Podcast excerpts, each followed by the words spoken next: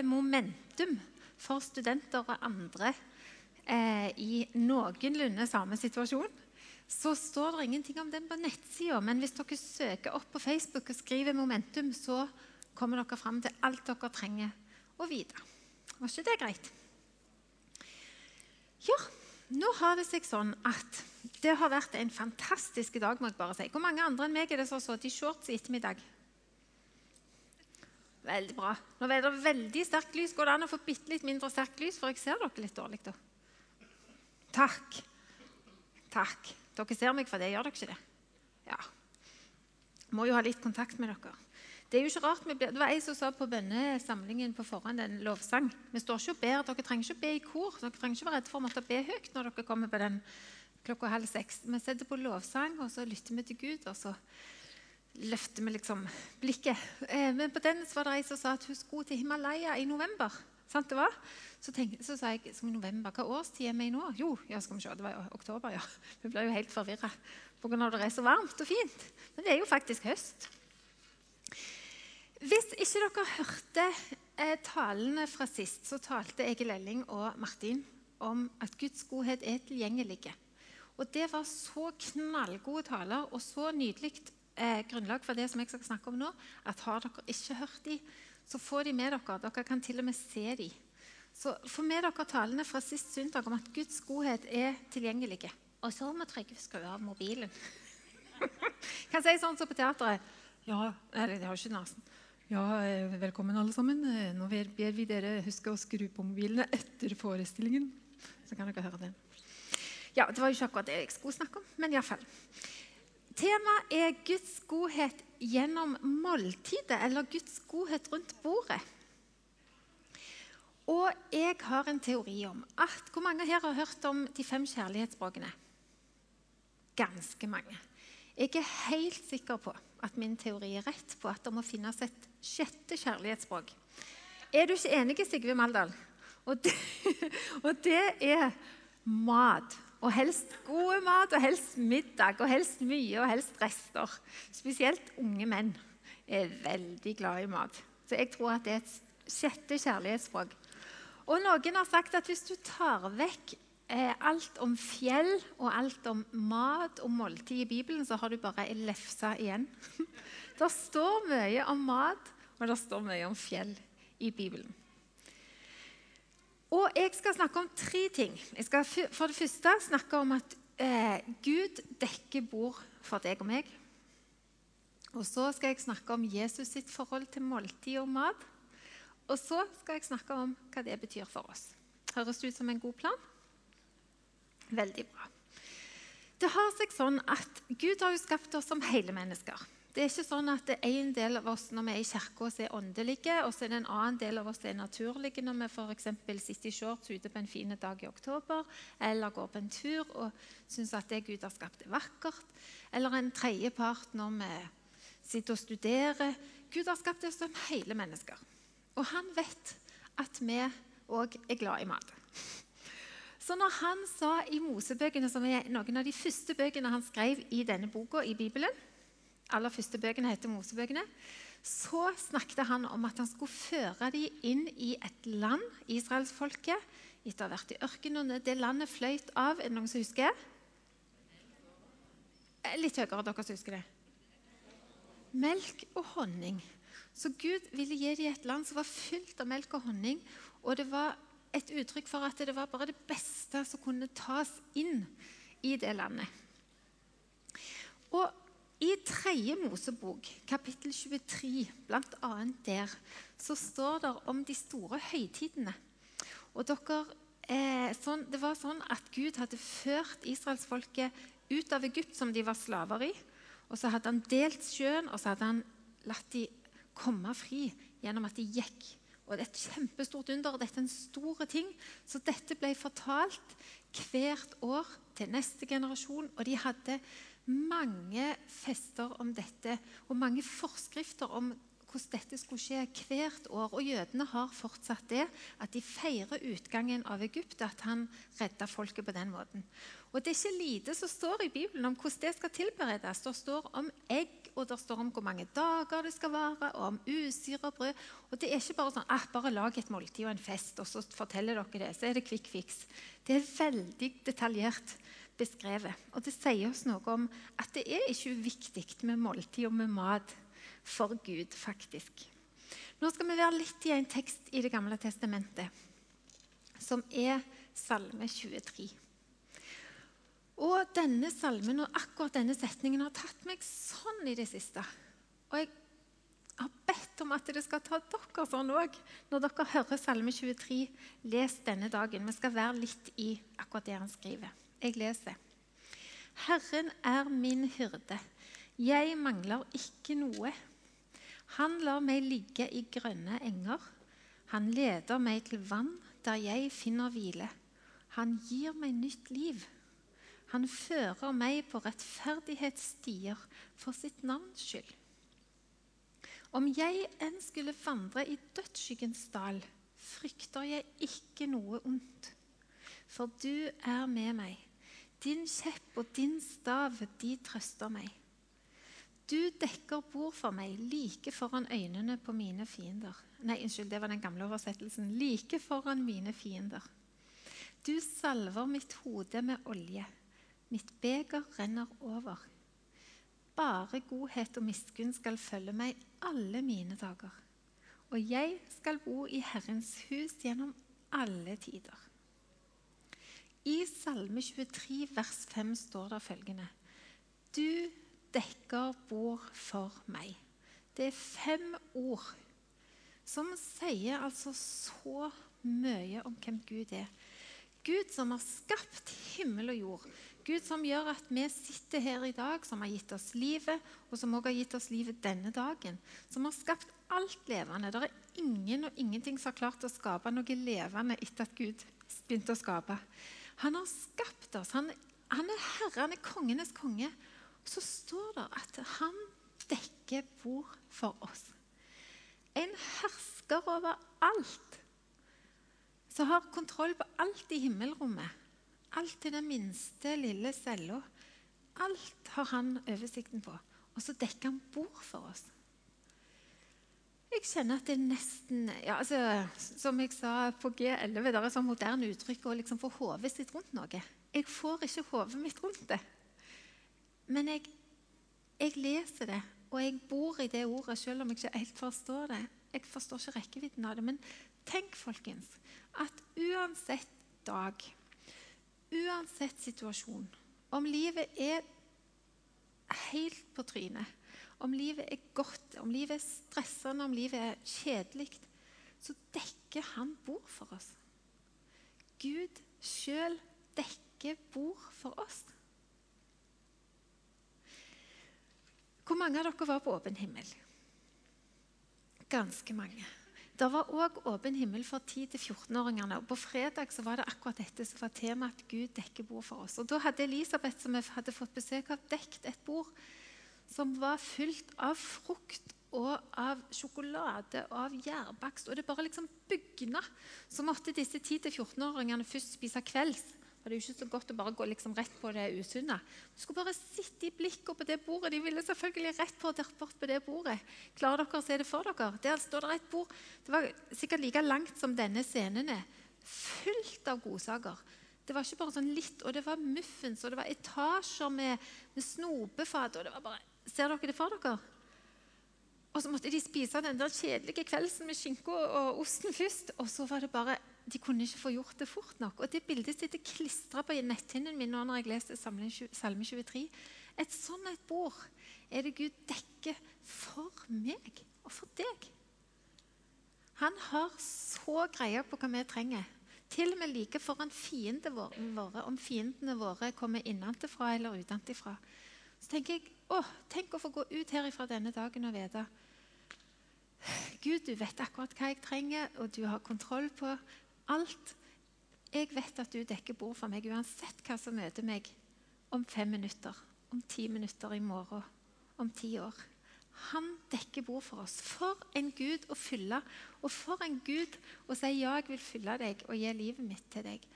Tenk Gud som dekker bord for oss. Klarer jeg å få sagt det godt nok? Det er altså så, det har tatt meg sånn. I Salme 34, litt lenger ute i salmene, der står det 'smak og se at Gud er god'. Det er så, det er så lite svevende. Det er så konkret. Alle har smakt noe. Alle har eh, fått svelgt ned noe. Så konkret er Guds godhet at vi ikke skal være i tvil om at han er glad i oss. Altså, Gud dekker bord for oss. Gud gir oss det vi trenger når vi trenger det. Og bare, Han holder ikke bare sånn små, smålige måltid med bare vann og brød. Så til punkt to om Jesus og måltid. Jeg skal ikke lese alle, alle disse stedene, men jeg skal bare minne oss noe om noen måltid og noen eh, situasjoner der Jesus var opptatt av dette. For det første, I Lukas 9 står det om at Jesus mette 5000. Denne salen her tar 1800 stoler, så 5000 er en del mer, med noen fisker og noe brød, og ga mat til alle. Og For meg sier det også noe om Jesus, at han ville de skulle få mat. Han var ikke bare opptatt av å, her var Guds rike, og det er så svevende. Guds rike var mat for de folka. Så konkret var Guds rike. I Lukas 14 så sier han noe som utfordrer meg om gjestfrihet. Om å være gjestfrie. Og Han snakker noe om gjestebud, om å ikke bare invitere de aller første du kommer på i nydda, eller i hodet, men å tenke hm, Gud, er det noen som du vil at jeg skal invitere, som kanskje ikke jeg hadde kommet på å invitere? Det å holde gjestebud eh, og det å være gjestfrie snakker Jesus om. I Markus kapittel 2 der står det bl.a at eh, Jesus ble kjempekritisert for at han spiste med folk som var uglesett i samfunnet på den tida. Og han var god med kvinner, kan du tenke deg. Han var god mot tollere som lurte folk og stappte ting i egen lomme. Og vi er syndere. Og det er alle vi, så derfor er vi, in, eh, vi er invitert av Jesus. Og Jesus fikk kjeft for det, så han spiste ikke bare med de fine og de i gåseøyne fromme. I Fader vår står det i Matteus 6 at vi skal få be faktisk òg om å få vårt daglige brød. Og Det gjelder òg at han vet hva vi trenger, og vi skal få be han om å sørge for oss. Vi trenger mat, vi trenger seng å sove i, og vi trenger klær på kroppen. Og vi skal vite at vi kan be Gud om det. Gud er ikke en svevende størrelse. Han er superkonkret. Så har Jesus eh, han har dødd på korset, og han har stått opp igjen, og så møter han disiplene. Så står det i Lukas 24 at disiplene ikke kjente han igjen når han var sammen med dem. Så står det noe interessant, syns jeg. At de kjente han igjen når han brøt brødet. Og Jeg vet ikke hvorfor det var akkurat da, men jeg lurer litt på om det kan være fordi at de har sett at han har gjort det før. At han har sørga for dem med brød før. og Derfor så kjenner de han igjen. Ja, det er jo han. Kan være det derfor. I Johannes 21 skal vi være litt. Det er et, for meg et av de stedene jeg faktisk mest, en av de historiene jeg er mest glad i i Det nye testamentet, og om Jesus. Så Den vil jeg dele med dere. I eh, Johannes kapittel 21 i Det nye testamentet, fra vers 4. Da morgenen kom, sto Jesus på stranden, men disiplene visste ikke at det var han. Har dere ikke noe å spise, barna mine, sa Jesus til dem. Nei, svarte de. Kast garnet ut på høyre siden av båten, så skal dere få, sa Jesus. De kastet garnet ut, og nå klarte de ikke å dra det opp. Så mye fisk hadde de fått. Disippelen som Jesus hadde kjær, sa da til Peter, 'Det er Herren.' Da Simon Peter hørte at det var Herren, bandt han kappen om seg, den han hadde tatt av, og kastet seg i sjøen. De andre disiplene kom etter i båten og dro garnet med fisken etter seg. De var ikke langt fra land, bare omkring 200 alen. Da de var kommet i land, så de et bål der, og det lå fisk og brød på glørne. Kom hit med noen av fiskene dere nettopp fikk, sa Jesus til dem.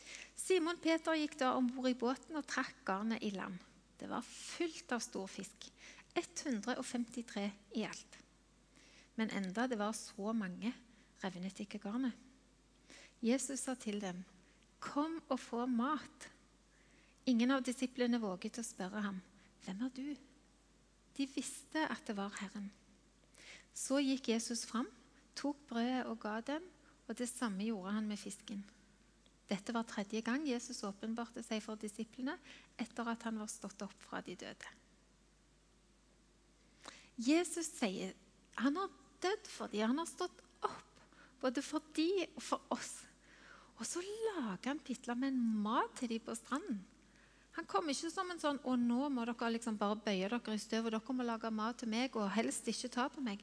Han er så nær dem at han lager mat til dem. Han vet at de er sultne og frustrerte, og de har ikke fått noe. Og så lager han mat til dem. Altså Han som, som ber meg om å følge han til jordens ende, han lager mat til meg. Jeg kommer liksom ikke forbi det der.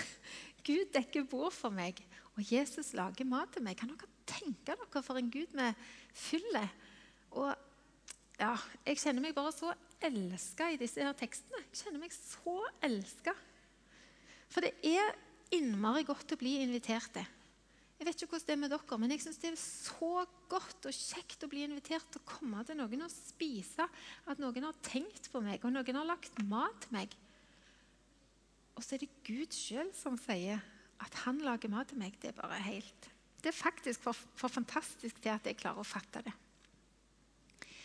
Det ultimate kjærlighetsmåltidet som Jesus eh, deler, som er det siste vi skal se på i forhold til Jesus og måltid i denne talen, det er nattverden. Jeg fortalte om at eh, jødene feirer påske eh, med alle sine forskrifter om hvordan dette skal skje, for å minnes om at, Jesus, at Gud førte dem ut av Egypt. ikke sant?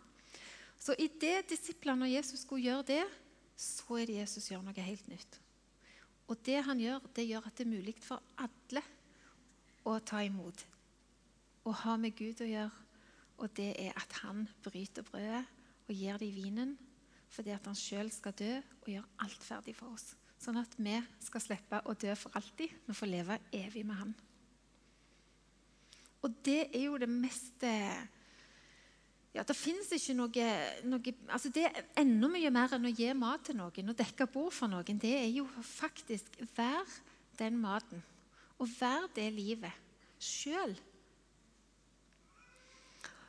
Og det sier meg òg så vanvittig mye om Jesus. At han, han gjør det fordi at når vi gjør det hver gang vi har, Neste søndag skal vi ha nattverd igjen her. Hver gang vi gjør det, så er det fordi at Jesus har gitt livet sitt for oss. Og når vi spiser og drikker og får det ned i, i organene våre, til og med, så kan det ikke bli mer tydelig. Det kan ikke bli mindre opp til oss enn det. For det er så tydelig at det er Jesus det går i. Det er ikke oss. Det er ikke vi som skal frelse verden. Det er han. Vi skal være med han og fortelle til andre om det. Men vi skal ikke frelse verden. Han har gjort det. Er dere med? Jeg synes det er, jeg kjenner jeg blir så satt ut av at, at han er så god mot oss. At han, så, at han gjør det så himla konkret.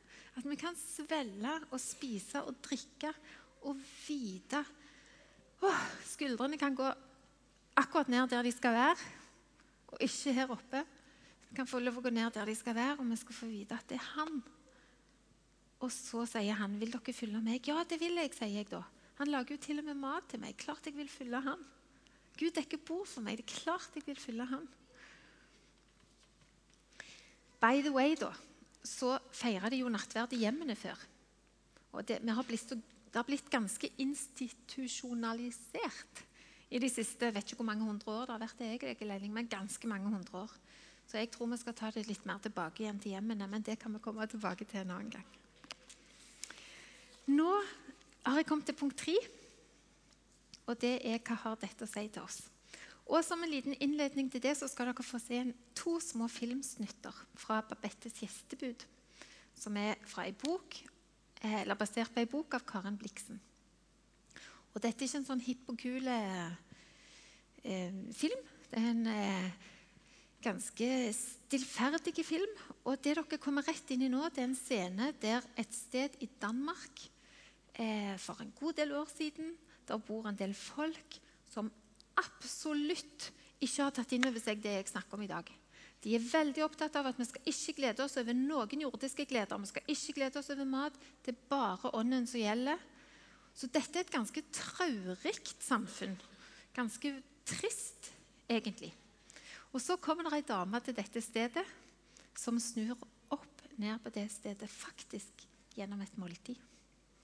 Der Guds godhet blir tilgjengelig. Så nå skal dere først få se scenen idet de setter seg ned med et nydelig dekka bord. Snurr film. Og hvis vi får tekst, så er det helt topp. Og husk, vi kan intet smage. Lad os bide med præstens egne ord. Må mit brød i dag mit læge nære. Må mit lægen sjælens tjener være. Må min sjæl gå fremad Gud til ære. Amen.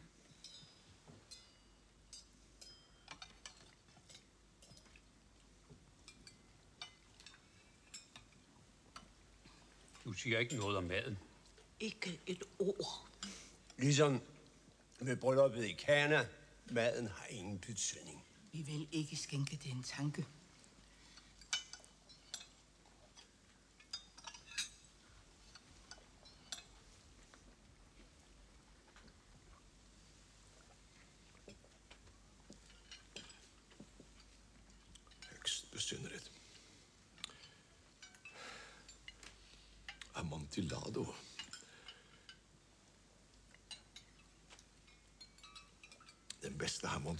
Någonsin har smakat.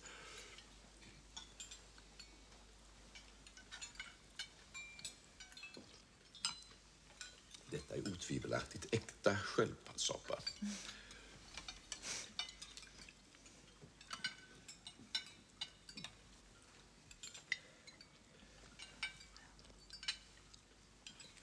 Vilken sköldpaddssoppa.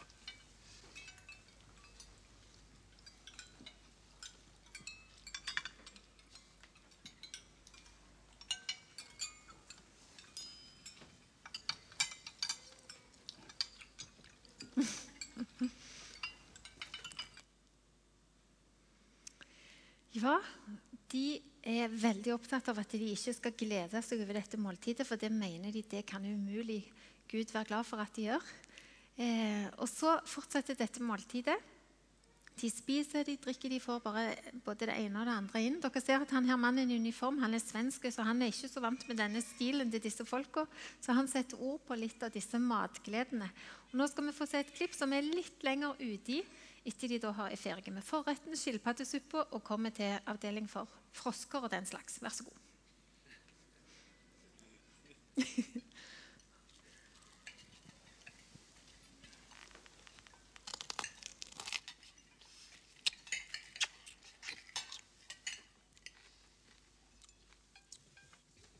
I Paris vann jeg en gang en ridekonkurrens och blev därefter firad av de franska kavalleriofficerarna med en middag på en av stans moderneste mondänaste restauranger, Café Anglais, där kökschefen förbluffande nog var en kvinna. Vi fick Kai en sarkofar, en rätt som hon själv komponerat.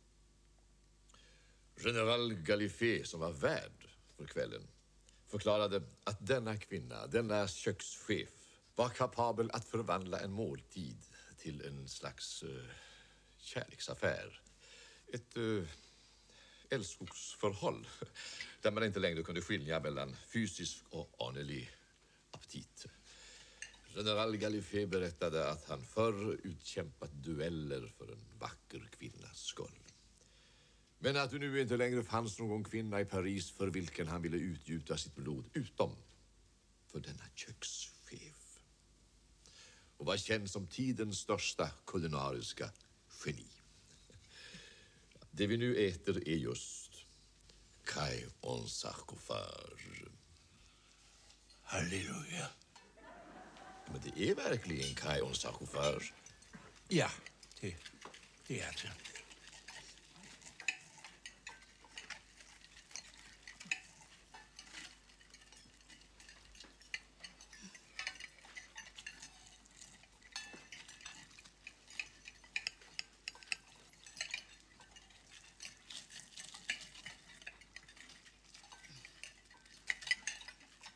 Mennesket skal ikke bare avstå fra, men også nægte enhver tanke på mad og drikke.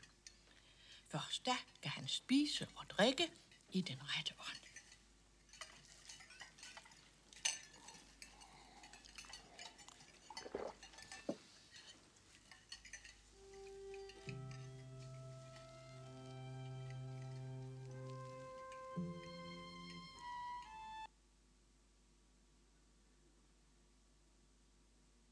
Ja, det kan oppstå all slags over et godt måltid.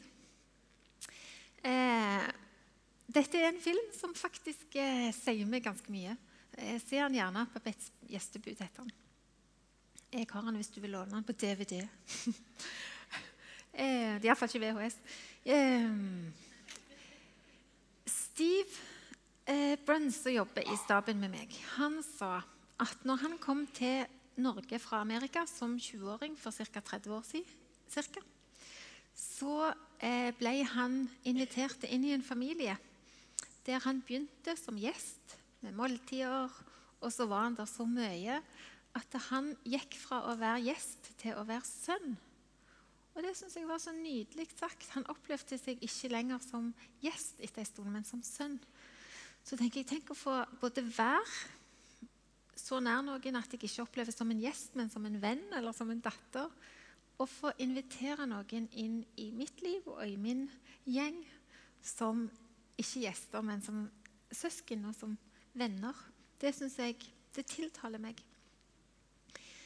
Um, det sies for tida at en god del av de som er unge, og som er kanskje før de flytter hjemmefra, men òg etterpå, de sier så tydelig at de har slutta å spise måltid sammen i familien. En del av ungene mine sier at en del av deres venner de spiser ikke sammen. De tar seg en skjeve når de er sultne, og de varmer opp et eller annet i mikroen som står i kjøleskapet. Men de har slutta å sette seg ned og ha måltid.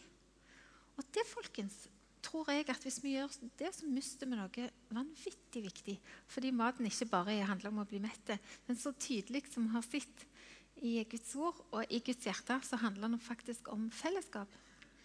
Så jeg tror at dette med at Guds godhet blir tydeligere rundt bordet, jeg tror det er en veldig god idé som faktisk fortsatt varer i 2014. Og så skal vi faktisk ikke få tenke at å nei, de har sikkert mange som inviterer de. Jeg syns sjøl det er vanvittig godt å bli invitert. Det sier meg noe når jeg ennå husker at når jeg var alene med jentene, så fikk jeg kumler hos Norunn en gang. Hun inviterte oss en vanlig ukedag. Og jentene og meg kom på kumler. Jeg husker ennå at det var kumler. Det er mange år siden nå. Og En annen gang så inviterte Solvår oss på laks. Tenk at jeg husker at vi fikk laks. Det sier litt om at jeg trenger å bli invitert. Du og meg trenger å bli invitert. Og hvis vi driver og inviterer og blir invitert, så blir til slutt alle invitert. Tenk hvis, jeg tror det. Tenk hvis denne byen opplever at vi ikke bare er opptatt av å springe fra det ene til det andre, men at vi sier du, jeg skal spise om en halvtime, kanskje du kommer bort? At vi ikke gjør det så avansert. Nå har det seg sånn at denne filmen hadde jo da en stjernekokk på laget. Og noen av dere tror jeg faktisk er sånne stjernekokker som liker å lage mat og er flinke å lage mat. Og da skal dere få bruke den gaven, tror jeg spesielt og se stort på det og tenke at dette har jeg fått av Gud. Det er ikke bare noe for å bli mette, men dette skal jeg dele med flere. Og for oss andre som ikke er stjernekokker, men lager helt ok mat, stort sett Det, mye, det stimulerer bønnelivet av og til å spise hos meg, for det er ikke alltid det er godt. Men av og til sier Trygve det er interessant. men dog, vi skal fortsatt få invitere. For det å invitere til fellesskap rundt bordet, det kan være sånn som jeg gjorde sist uke med en nabo kaffe på terrassen. Det kan være godhet rundt bordet. Rundt terrassebordet og to stoler og noe i glasset som er bare for Hun ville ikke engang ha noe varmt, så hun ville ha cola. Så det hadde jeg jo igjen etter helga. Eh, og det kan være et stort, flott eh, bord med kandelabre som vi har forberedt i lang tid og bakt og styrt. Og det kan være noe midt imellom eller et kjøkkenbord. Men det å bli invitert og få invitere til å ha fellesskap rundt et bord, det folkens, er ganske sterkt og virkningsfullt. Selve evangeliet Det henger et kors der, og det er som uttrykk for å minne oss på at evangeliet ikke handler om å prestere, men om å ha relasjon til kongenes konge og herrenes herre og ta imot det han har gitt oss. Og da, enten jeg bor alene og må minne meg sjøl om at vet du hva, du holder, holder måltid med meg hver dag, Jesus. Du holder måltid med meg. Akkurat som han sier i eh, Jeg glemte å si til dere at Johannes' åpenbaring i Det nye testamentet, der står det at han, vil, han banker på og vil holde måltid med oss. Han vil ikke bare komme inn, men han vil holde måltid som noe av det mest nære du kan ha med Jesus sjøl. Um, om jeg er alene bor alene, så skal jeg vite at med mitt frokostbord, der er Jesus, og jeg kan invitere andre inn. Om jeg bor sammen med familien min, så skal jeg minne meg selv på at jeg ikke bare tar lett på sånne måltider og tenker at det viktigste er at vi blir mette. Men vi skal ta tid til å sette oss ned, om det er ett måltid eller tre måltid. Vi har eksempel begynt bare helt konkret, med felles familiemiddag hver mandag. Og kanskje jeg kommer til å til slutt invitere alle dere for å se hvor langt jeg kommer før Jesus kommer igjen. Men der har vi faktisk plass til flere hver mandag klokka fem. Og Da kommer f.eks.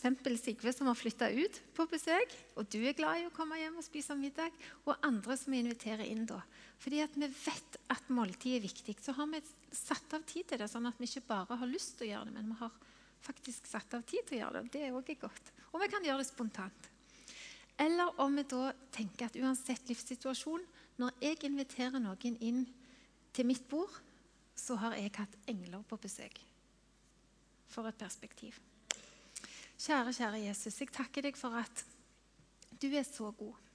Du er så god. Gud, du dekker bord for oss. Til og med foran øynene på fiendene våre. Du gir oss ikke våpen i hånden, men du dekker bord for oss.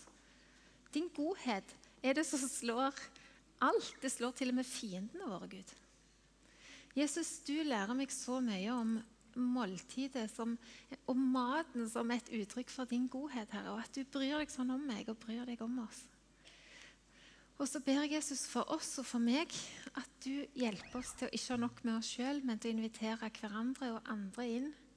Og bare vite at når vi inviterer noen, om vi ikke engang snakker om deg, så er det fellesskap rundt bordet, at det er et uttrykk for at du er god. Og det takker jeg deg for at det skal vi få være med på. Vi er så glad i deg, og vi er så glad for at du er så glad i oss. Først og fremst det. Vis oss som eh, menighet hvordan vi kan være og skape en kultur i denne byen og i dette landet, Jesus, på å invitere og bli invitert inn i din godhet. Lovet være ditt navn. Amen.